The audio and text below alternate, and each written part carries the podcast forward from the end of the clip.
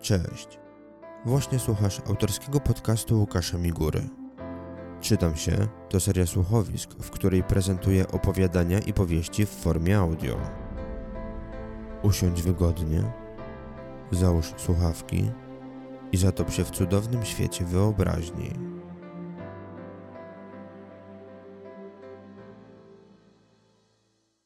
Odcinek dziewiąty. Łukasz Migura, Paparazzo. Część pierwsza. Czyta Wojciech Pyttel. Strome, wąskie schody prowadziły mnie na pierwsze piętro kamienicy, w której wynajmowałem mały pokój.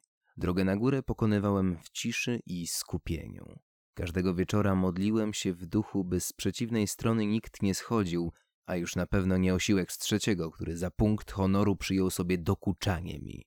Już nieraz zdarzało się, że mijał mnie na korytarzu czy na owych schodach i po każdym takim niewinnym tet kończyłem z siniakiem pod okiem, naciągniętą bielizną, tak, ktoś jeszcze to robi, lub ręką wykręconą w taki sposób, że potem nijak nie mogłem spać na tym konkretnym boku. Cała ta sytuacja miałaby rację bytu, gdybyśmy byli nastolatkami, a kamienica należałaby do większej całości określanej mianem placówki edukacyjnej. Z jakiegoś powodu społeczeństwo przyzwalało na gnębienie słabszych w szkolnych murach. Byłem przekonany, że kończąc ogólniak pozbędę się tego problemu. Niestety. W kilka lat potem wprowadziłem się do tej kamienicy i raz jeszcze musiałem przechodzić przez znany mi scenariusz. Kiedy dotarłem na półpiętro, u szczytu schodów dostrzegłem zarys sylwetki. To był on. Michał z trzeciego. Dałbym sobie głowę uciąć, że kiedy tylko mnie dostrzegł, zarechotał złowieszczo. Przezornie złapałem za torbę, w której trzymałem aparat fotograficzny. Mógł mnie gnoić, ale tego jednego nie miał prawa tknąć. I być może właśnie ten gest wzbudził jego ciekawość, bo kiedy tylko zbliżył się do mnie, zapytał: Co tam chowasz? Kazałem mu spierdalać, ale on zaśmiał się raz jeszcze i spróbował sięgnąć długimi, grubymi łapskami do mojej torby. Zrobiłem piruet i szczęśliwie minąłem go, przyciskając się pomiędzy jego monumentalną sylwetką a ścianą. Przeskakiwałem po dwa, czasem trzy stopnie. Uciekłem, on zaś został na półpiętrze. Rechotał i odgrażał się, że następnym razem tak łatwo mi nie odpuści. Wewnątrz cały drżałem. Po każdym takim spotkaniu powtarzałem w myślach, że powinienem wrócić i rozwiązać tę sprawę jak na prawdziwego faceta przystało. Ale potem do głosu dochodził rozsądek. Z obitą mordą spałoby mi się gorzej, a stan rzeczy nie uległby wielkiej zmianie. Ot na kilka dni dałby mi spokój, żeby moja gęba nabrała normalnych kolorów. Z tych nerwów ledwo trafiłem kluczem do zamka. Trzasnąłem drzwiami i na wszelki wypadek zamknąłem je za sobą na trzy spusty. Wyjąłem z aparatu kartę pamięci i zostawiłem sprzęt na kredensie pomiędzy zdjęciem z rodzicami a butelką taniej whisky. Na nic lepszego nie mogłem sobie pozwolić, a i tę konkretną butelkę otwierałem tylko w chwilach większego wzburzenia. Stanąłem przy oknie z papierosem w ustach i wpatrywałem się we wsiadającego do wozu Michała. Osiłek ledwo zmieścił się za kółkiem. Opuścił dach i włączył muzykę tak głośno, że słyszałem ją mimo pozamykanych okien. Pierdoloną techniawką musieli raczyć się wszyscy na osiedlu. Widać gość zakładał, że jego gust muzyczny podzielał każdy w promieniu kilkuset metrów. Usiadłem na kanapie, włączyłem laptopa i wsunąłem kartę pamięci do otworu w obudowie komputera. Na ekranie pojawił się folder ze zdjęciami zrobionymi tego wieczoru. Szlak mnie trafiał, kiedy patrzyłem na kolejne ruszone kadry. Jeśli już udało mi się złapać ostrość, na ogół celowałem w czyjąś rękę lub nogę. Z ponad 150 prób sfotografowania miejscowej gwiazdki wyszło ledwie kilkanaście. Co mnie tknęło, żeby robić zdjęcia na manualu, pomyślałem. Wiedziałem, że żadna redakcja tego nie kupi. Co najwyżej do bazy zdjęć. A jeśli nie mogłem liczyć na rozkładówkę nowego wydania lokalnego szmatławca, nie mogłem też spodziewać się kokosów. Skopiowałem pliki na dysk i wysłałem je do wszystkich redakcji, z którymi współpracowałem. Miałem nadzieję, że choć jedna wykaże krztynę zainteresowania. Nieco zniechęcony włączyłem niedokończony film na platformie udostępniającej najnowsze produkcje właściwie za darmo. Od trzeba było założyć konto, podać maila i co jakiś czas klikać w reklamy, żeby nie zablokowali profilu. Można powiedzieć, że to taka niemal trójstronna transakcja, w której wygrywałem ja i właściciel portalu. Przegrywał jedynie producent filmów. Po kilku minutach usłyszałem dźwięk przychodzącej poczty. W rogu ekranu mignął mi tytuł wiadomości. Już chciałem zatrzymać odtwarzacz i zerknąć na skrzynkę, kiedy do drzwi ktoś zapukał. Miarowo uderzał w nie pięścią, jakby wybijał takt jakiejś popularnej piosenki. Cholera, Robespier, wyłaś! Wiem, że tam siedzisz. Wstałem od komputera i otworzyłem drzwi. Pan Mikulski! Zacząłem ze sztucznym uśmiechem wyrysowanym na twarzy. Mikulskiemu natomiast nie było do śmiechu. Przesunął palcami po niemodnym już zaroście ala Michał Milowicz i westchnął. Robcio, Robcio, co ja mam z tobą zrobić? E, Zapłacę, mam świetny materiał. Już poszedł do redakcji. Właśnie ktoś przysłał odpowiedź. Odparłem. Miałem negocjować warunki. Czemu ja się na to nabieram, Rob? Bo ma pan dobre serce, panie Waldku. Czekam na czynsz za poprzedni miesiąc. Rzucił oddalając się od drzwi. I pamiętaj, że ten miesiąc też powoli się kończy. A wiesz, co robię z lokatorami, którzy są mi krewni za dwa miesiące z rzędu? Wiem, panie Waldku, wiem. Powiedziałem już bardziej do siebie niż do niego. Zamknąłem drzwi i wróciłem myślami do wiadomości, która na ekranie pojawiła się kilka chwil wcześniej. Tytuł był obiecujący. Niestety sama treść tylko podniosła mi ciśnienie. Nie przysyłaj nam więcej zdjęć. Zobaczyłem u samej góry ekranu wytłuszczone i wypisane kapitalikami. Poniżej widniał podpis dziennikarza Jedynej Prawdy, lokalnego tygodnika, po który sięgały głównie kury domowe i emeryci. Kładłem się spać wkurwiony i z poczuciem beznadziei. Wymarzyłem sobie cholera karierę fotografa. Widać te kilka osób, którym kiedyś podobały się moje zdjęcia, albo naigrywali się, albo próbowali być mili.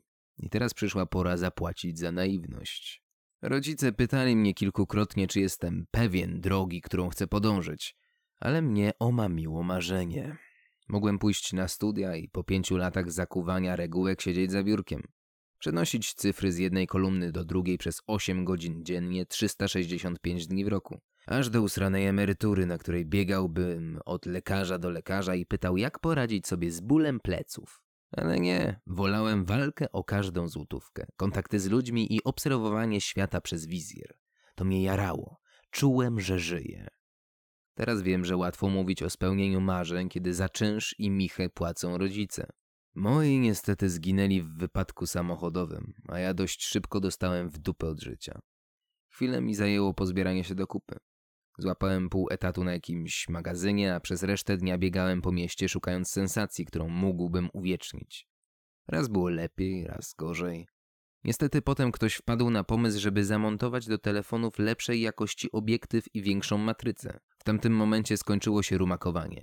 Każdy, kto zobaczył wypadek, wyjmował smartfona i robił fotkę lub nagrywał film. W sieci zaroiło się od portali zrzeszających tzw. obywatelskich dziennikarzy. Znacznie trudniej było sprzedać jakikolwiek materiał. Zwłaszcza mi, pasjonatowi ze starym sprzętem i mizernym doświadczeniem.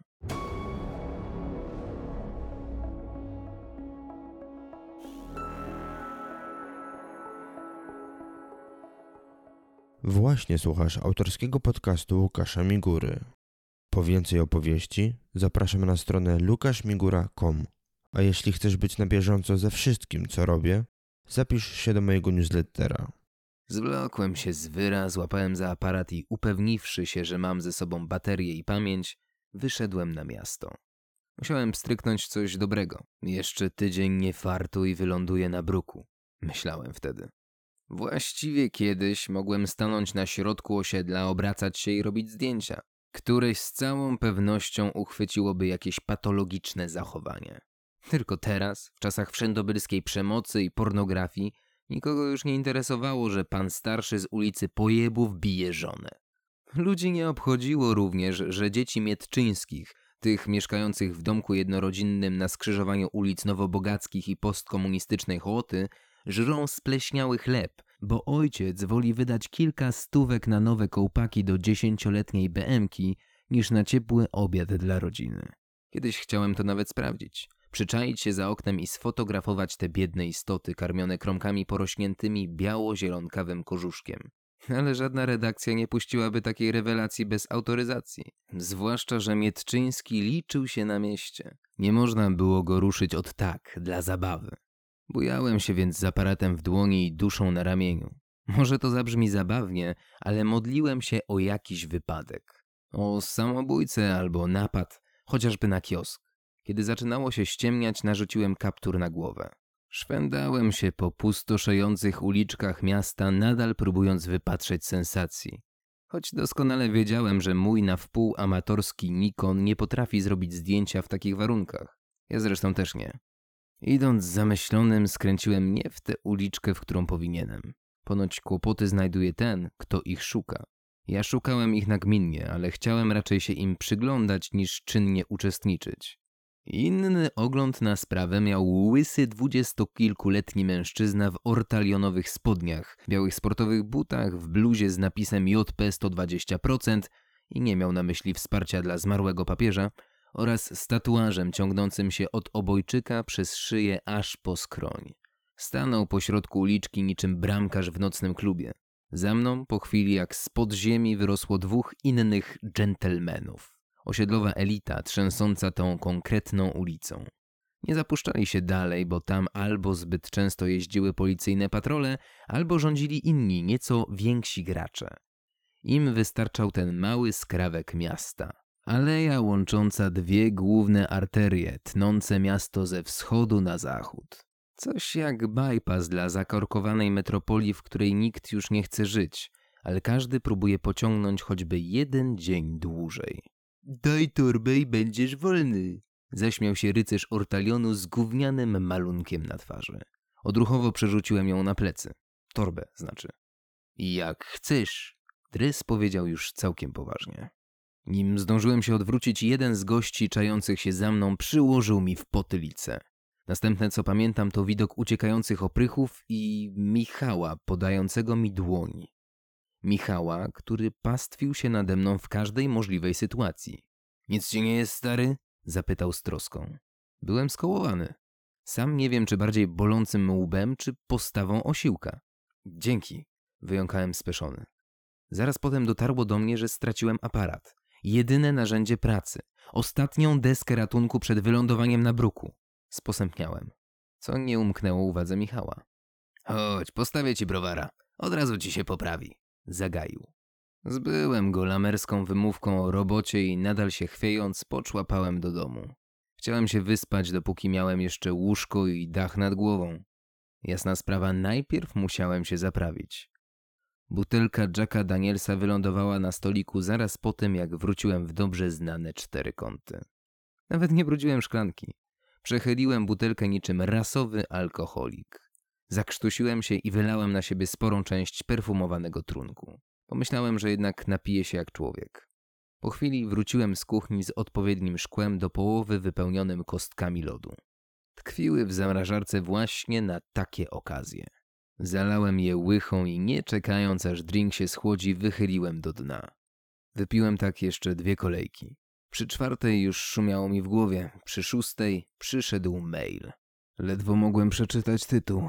Goście z redakcji któregoś z okolicznych tygodników podziękowali za zdjęcia i przelali na moje konto niewielką kwotę. Wystarczy na czynsz, pomyślałem. I może jakiś aparat w lombardzie? Uśmiechnąłem się pod nosem i usnąłem z pustą szklanką w jednej dłoni i butelką w drugiej. Nic nie budzi mnie lepiej niż ból głowy i suchy jak podeszwa język. A kiedy z rana do drzwi dobija się właściciel wynajmowanego lokalu, to już całkiem staje na nogi. Tym razem Mikulski wparował do mieszkania bez zaproszenia. Nie czekał nawet aż mu otworzę. Użył własnego klucza i cholera nie chciał dać sobie wytłumaczyć, że mam pieniądze. Kazał mi się ubrać i wywlókł na zewnątrz. Potraktował mnie tak, jak amerykańscy policjanci mają w zwyczaju traktować murzynów i Meksykańców. Towarzyszył mi w drodze do samego bankomatu i dopiero kiedy zapłaciłem za poprzedni i obecny miesiąc, uśmiechnął się uspokajająco. Co złego, to nie ja.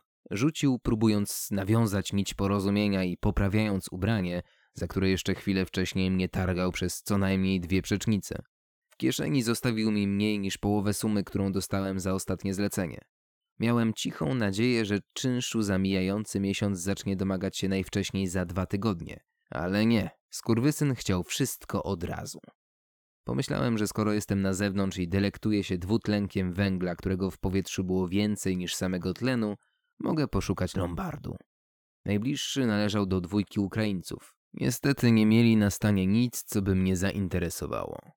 Potem trafiłem do Cyganów, którzy jak tylko mogli zawyżali cenę i Turków gaworzących wyłącznie po ich niemu. Po drodze zahaczyłem jeszcze o sklep Arabów. Zobaczyłem stojącego na zapleczu ziomka w żonobijce i ze starym kałachem w ręce wycelowanym w sufit. Stamtąd ewakuowałem się jak zawszeni politycy prawilnej partii po lewackim przewrocie. Czułem, że nim znajdę miejscówkę i sprzedawcę, który będzie skłonny obchać mi jakiegoś zdezelowanego Nikona czy Canona, przyjdzie mi chodzić po mieście przez kilka godzin. Pomiędzy zapuszczonymi osiedlami włóczyłem się przez dobrych kilkadziesiąt minut i kiedy zaczynało ogarniać mnie zniechęcenie, a nogi powoli odmawiały posłuszeństwa, trafiłem do pana Zdziśka. Starszy jegomość z bujnym wąsem pod nosem i rozlewającym się brzuchem, wystającym spod starego, powyciąganego swetra, chrząknął na powitanie. Kiwnąłem głową. Cieszyłem się na ten iście januszowski widok. Na półkach za metalową siatką, którą pan Zdzisiek musiał zamontować po którymś z kolei włamaniu, zobaczyłem kilkanaście obiektywów. Po półkach ledwie trzymających się ściany walały się droższe i tańsze puchy. Gość musiał być emerytowanym fotografem. Nikt nie byłby w stanie zgromadzić takiego asortymentu wyłącznie handlując. Pewnie brakowało mu na czynsz i wyprzedawał dobytek życia. Szuka pan czegoś konkretnego? Zapytał, mając nadzieję, że tym razem trafił się zdecydowany klient. Podszedłem do lady i położyłem przed nim wszystkie pieniądze, jakie miałem w kieszeni. Poprosiłem o cokolwiek. Facet wsunął łapę pod sweter i podrapał się po pępku. Wygrzebał kawałek wełny, pomyślał chwilę i wyszedł na zaplecze. Po drodze rzucił na ziemię zrolowany w kulkę brud z pępkowej otchłani. Wrócił ze starą minoltą. Naprawdę starą. Aparat miał lustro i mechaniczną migawkę. Na obudowie nie było nawet miejsca na elektroniczny wyświetlacz. Trzeba było mrużyć jedno oko, a drugim gapić się przez zakurzony wizjer. Obejrzałem sprzęt dokładnie i nie zauważyłem wejścia na kartę pamięci. Czego pan szukasz?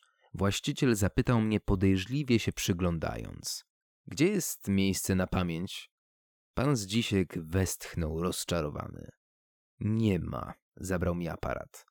Otworzył tylną ściankę, wyjął spod lady kliszę i włożył ją do środka. Zerknął przez wizjer i pokręcił kółkiem znajdującym się na froncie. Jak długo działa na jednej baterii? Zapytałem nieco poirytowany całą sytuacją. Nie potrzebuję baterii, uśmiechnął się pod nosem, widząc moje zdziwienie. Kręcisz pan tutaj, żeby przewijać kliszę. Wskazał na pokrętło. Nie przekonał mnie. Początkowo chciałem zabrać pieniądze i wyjść, ale tylko na ten aparat było mnie stać. Miał dobre szkło. Lepsze niż kitowe obiektywy dołączone do nowych bezlusterkowców. Panie, gdzie ja dzisiaj wywołam zdjęcia? Ktoś jeszcze to robi? Gość westchnął. Miałem wrażenie, że jest rozczarowany. Wyłożył na ladę podręcznik dla początkujących i jakąś chemię. Dołożę to panu ekstra, powiedział. Przeczytasz pan, co tu piszą, wskazał na książkę, a jak sobie pan nie poradzisz, to możesz pan wywołać film u mnie. Nadal nie byłem przekonany. Rozejrzałem się po półkach, ale nawet jeśli mogłem pozwolić sobie na tanie body, to brakowało mi na obiektyw. Dobra, niech pan pakuje. Rzuciłem bez przekonania. Zobaczę, ile dam radę z tego wycisnąć. Pan z dzisiaj do papierowej torby z logo jego jednoosobowej firemki pieczołowicie zapakował aparat, podręcznik i chemię. Jak pan będziesz miał pytania, to zapraszam. Niech mi pan wierzy, będziesz pan zadowolony, powiedział z osobliwym uśmiechem. Gwarantuję pełną dyskrecję przy wywoływaniu zdjęć. Rzucił na do widzenia.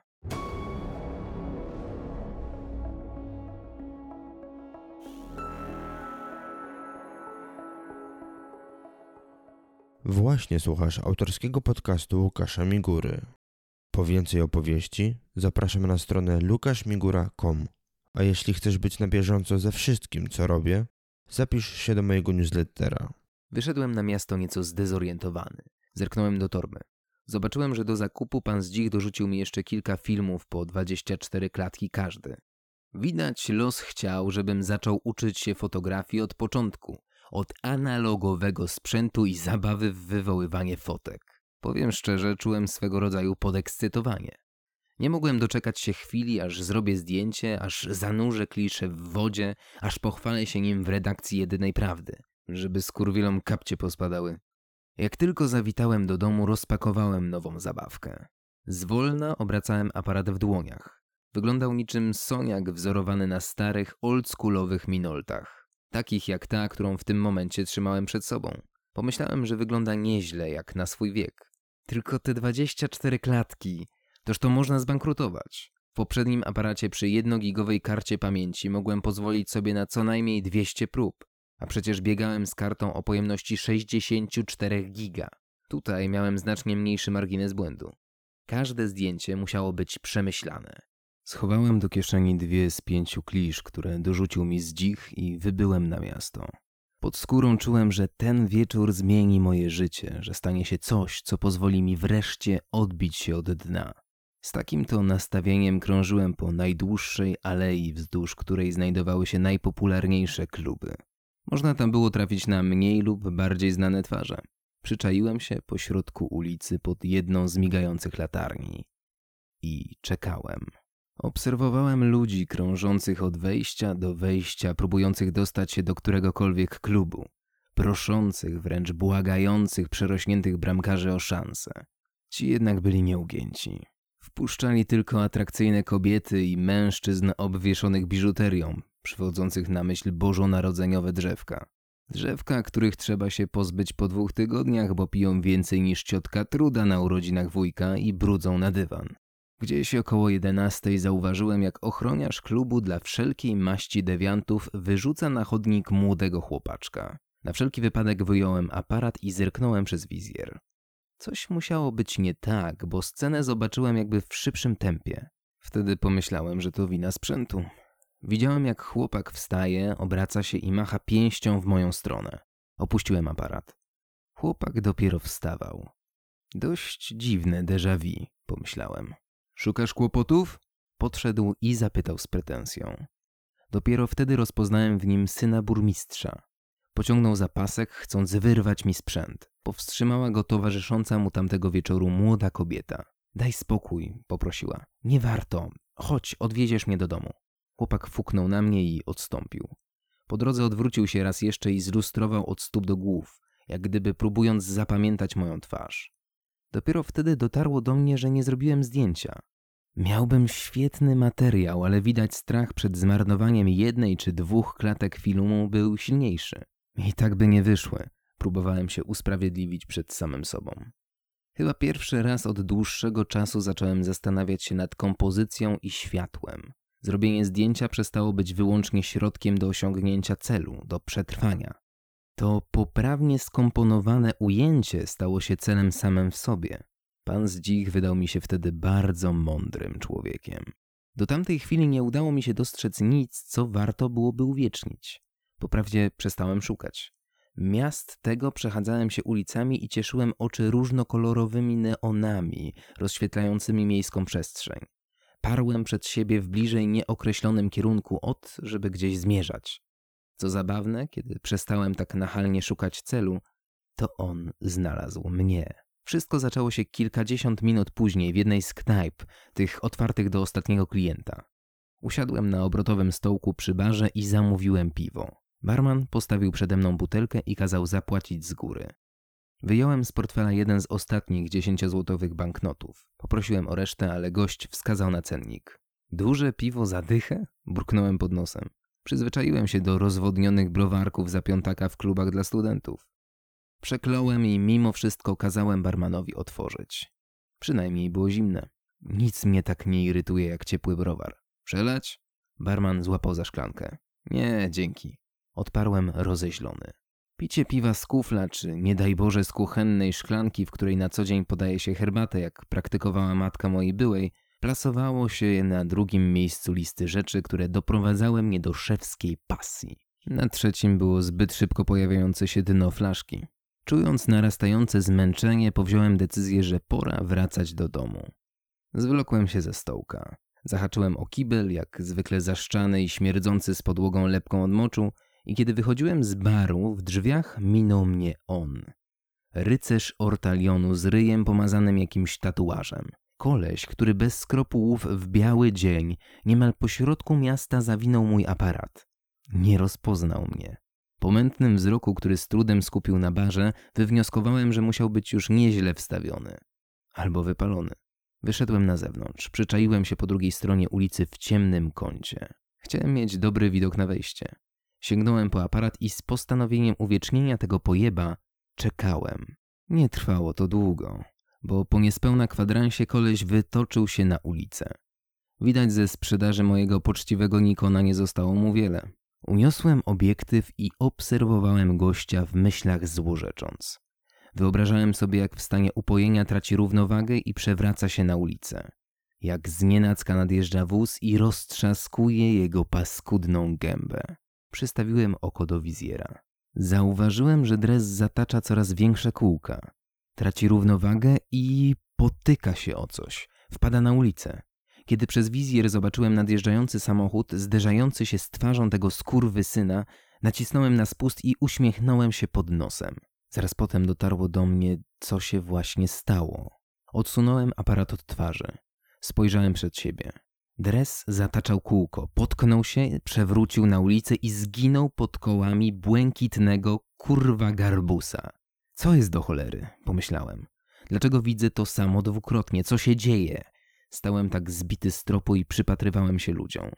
Gromadzili się wokół martwego kolesia, którego tatuaż już tylko w połowie zdobił jego paskudny ryj. Druga połowa malunku odbiła się na karoserii wozu. Z za kierownicy wyskoczył, no właśnie, młody chłopaczek. Ten sam, który kilka godzin wcześniej doskoczył do mnie z pretensjami. Syn najważniejszej osoby w metropolii. Był sam. Rozeźlony kucnął przed maską wozu i próbował ją wyczyścić. Nawet nie przejął się tym, że właśnie zabił człowieka, choć akurat ta śmierć była mi na rękę. I kiedy tak próbowałem zrozumieć, co się właśnie stało, przypomniały mi się słowa pana Zdzicha. Gwarantuję panu pełną dyskrecję. Powtórzyłem półgębkiem. Wiedział? Musiał wiedzieć. Czy to wina aparatu? To był kolejny odcinek mojego autorskiego podcastu. Jeśli chcesz więcej, zachęcam Cię do przesłuchania poprzednich materiałów. A żeby być na bieżąco ze wszystkim, co robię, zapisz się do newslettera na stronie lukaszmigura.com. Dzięki za uwagę i do usłyszenia.